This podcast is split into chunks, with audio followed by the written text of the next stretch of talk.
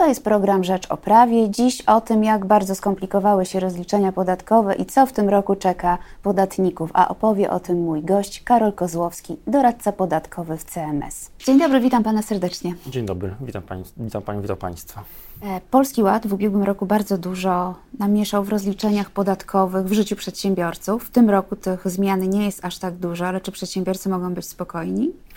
Myślę, że jeszcze nie. Tak na dobrą sprawę to, co się teraz działo jest, czy to, co się będzie działo, tak na dobrą sprawę jest pokłosiem tych zmian, które były wprowadzane w ubiegłym roku. Co pan ma na myśli, mówiąc to, co się będzie działo? Myśli pan o rocznym rozliczeniu?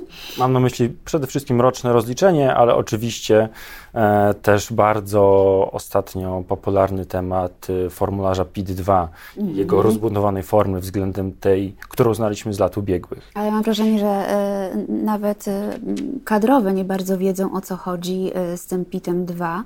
E, widać po pytaniach, które trafiają do redakcji. Generalnie chyba nikt nie wie, e, o co chodzi z PIT-em 2, nowym PIT-em 2. Tak, formularz ten został bardzo rozbudowany. Do tej pory służył przede wszystkim e, pracownikom, którzy składali taki, taki formularz w celu skorzystania z kwoty wolnej od podatku.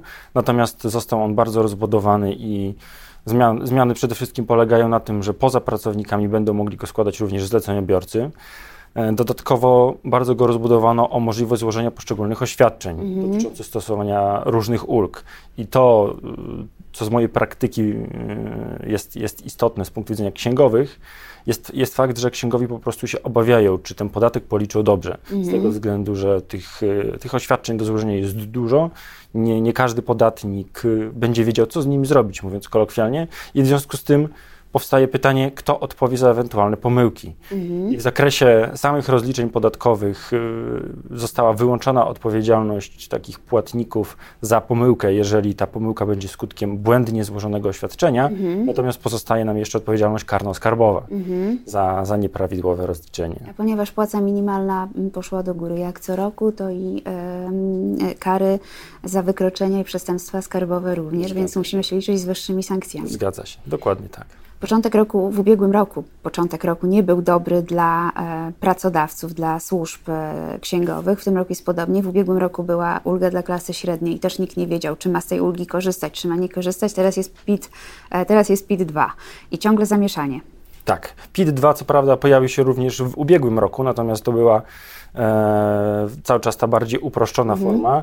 Natomiast rzeczywiście w, w związku z wątpliwościami w stosowaniu ulgi dla klasy średniej, obliczania ostatecznej wysokości podatku, e, teraz pojawi się bardzo dużo pracy dla księgowych w, w tym zakresie. Zwłaszcza, że co jest bardzo wyjątkową sytuacją, przedsiębiorcy, którzy wybrali formę opodatkowania stosowaną w 2022 roku, w niektórym zakresie będą mogli ją zmienić. No właśnie, roku. chciałam zapytać Pana o przedsiębiorców, bo mówimy cały czas teraz o pracownikach, ale, mm, ale przedsiębiorcy, o, oni mają tutaj twardy orzech do zgryzienia, co zrobić, e, zmieniać formę, nie zmieniać.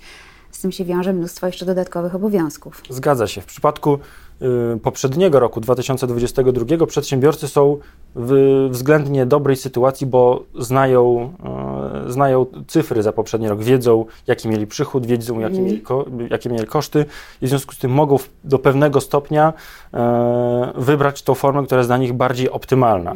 Natomiast to, to, że wybiorą tą formę za rok poprzedni, to nie oznacza, że ta forma będzie skuteczna również dla roku obecnego, 2023, czyli przedsiębiorcy stoją przed y, dwoma decyzjami. Po pierwsze, jaką formę opodatkowania wybrać za mi, miniony rok 2022 i po raz kolejny, y, jaką formę wybrać na ten następujący, czyli 2023. No, zwłaszcza, że na 2023 muszą wybrać wcześniej niż za ubiegły rok, Tak, czyli za to jest- 2022, żeby było śmieszniej. Tak, zgadza się, zgadza się, dokładnie tak. No, ale powiedział Pan, że e, znają e, przychód, wiedzą jakie były koszty, no ale załóżmy, że podatnik e, podatku e, ryczałtowego chce przejść na skalę podatkową. To, to nie wystarczy, e, że on sobie policzy, e, jak mu to wszystko wychodzi. Przecież trzeba będzie jeszcze książkę przychodów i rozchodów założyć. No tak, to jest ta dodatkowa praca, którą, która spadnie znowu na, na księgowych. I, i stąd, stąd wiem, że tej pracy będzie bardzo dużo i to będzie taka paradoksalnie bardzo skomplikowana i obciążająca czasowo Mhm. praca. W ubiegłym roku księgowi podnieśli stawki. E, Spodziewa się Pan, że w tym roku również e, czekają przedsiębiorców e, podwyżki? Tak, myślę, że tak. Poza tymi oczywiście inflacy, inf, inflacyjnymi są to te podwyżki związane z coraz bardziej skomplikowanym rozliczeniem. Natomiast wydaje się, że ten rok będzie z ostatnich taki najbardziej skomplikowany. Bo mamy rok ubiegły, wspomniano ulgę dla klasy średniej, zmiany w trakcie roku, Mhm.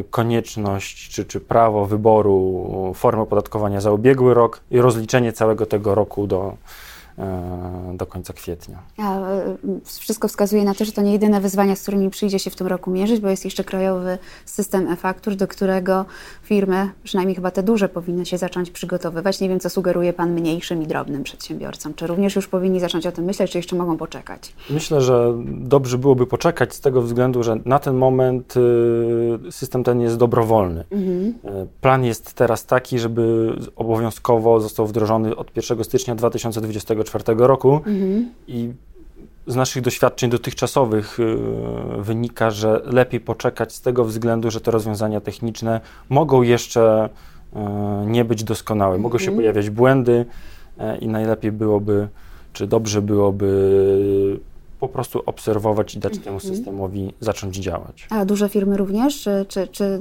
to w ich przypadku nie będzie tak, że potem im zabraknie czasu na dostosowanie tego wszystkiego? Czy, czy też mogą sobie jeszcze popatrzeć spokojnie? jak- Myślę, że mogą, mogą obserwować, natomiast mm, oczywiście, y, oczywiście pierwsze kroki w celu wdrożenia całej takiej procedury y, trzeba będzie podjąć. Naszym klientom też sugerujemy, żeby, żeby takie działania podejmowały, bo tak na dobrą sprawę to jest, moż- jest możliwość wyboru między oprogramowaniem ministerstwa a programami komercyjnymi, więc w dużej mierze też zależy to od dostosowania dotychczas istniejących systemów, połączenia ich z odpowiednim oprogram- oprogramowaniem ministerstwa mm, i zgraniem tego wszystkiego w ten sposób, żeby od 1 stycznia działało to w sposób prawidłowy i bez zakłóceń po prostu.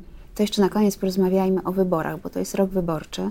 Spodziewa się Pan, e, że będzie sporo propozycji zmian w podatkach, które miałyby spowodować, że wyborcy zagłosują na daną partię? Trudno mi sobie wyobrazić, co jeszcze można byłoby zmienić, zwłaszcza, że... Albo jeżeli- co obiecać, co, co, obiecać, co, co jeszcze tak? moglibyśmy obiecać, zwłaszcza, że rozmawiamy przede wszystkim o zmianach w podatku dochodowym od osób fizycznych Mhm. i w tym zakresie prawdopodobnie oczekiwalibyśmy jakichś obietnic, natomiast wydaje się, że y, to, co zostało już zrobione, to... Nie, nie, nie ma szansy na Nie- nie kolejną widzę- niższą stawkę nie podatku, wyższą kwotę, tak, wyższą kwotę wolną od podatku. Myślę, że myślę, że to byłoby trudne do wdrożenia, zwłaszcza, że mm, zwłaszcza, że zasada obowiązująca w zakresie podatków dochodowych jest taka, że te zmiany powinny wchodzić od początku danego roku, żeby nie zaskakiwać podatników. Mhm, czyli do końca listopada, jeśli dobrze pamiętam, powinny zostać uchwalone, prawda, żeby, żeby wejść potem od 1 stycznia. Ale to myślę, że jest jeszcze kilka miesięcy. Nie docenia Pan e, wyobraźni polityków i szybkości działania naszego parlamentu. Być może. Natomiast zobaczymy w tym roku. Czas pokaże. Serdecznie dziękuję za rozmowę. A Państwu również dziękuję. Moim gościem był Karol Kozłowski, doradca podatkowy w CMS. Dziękuję Państwu. Do widzenia.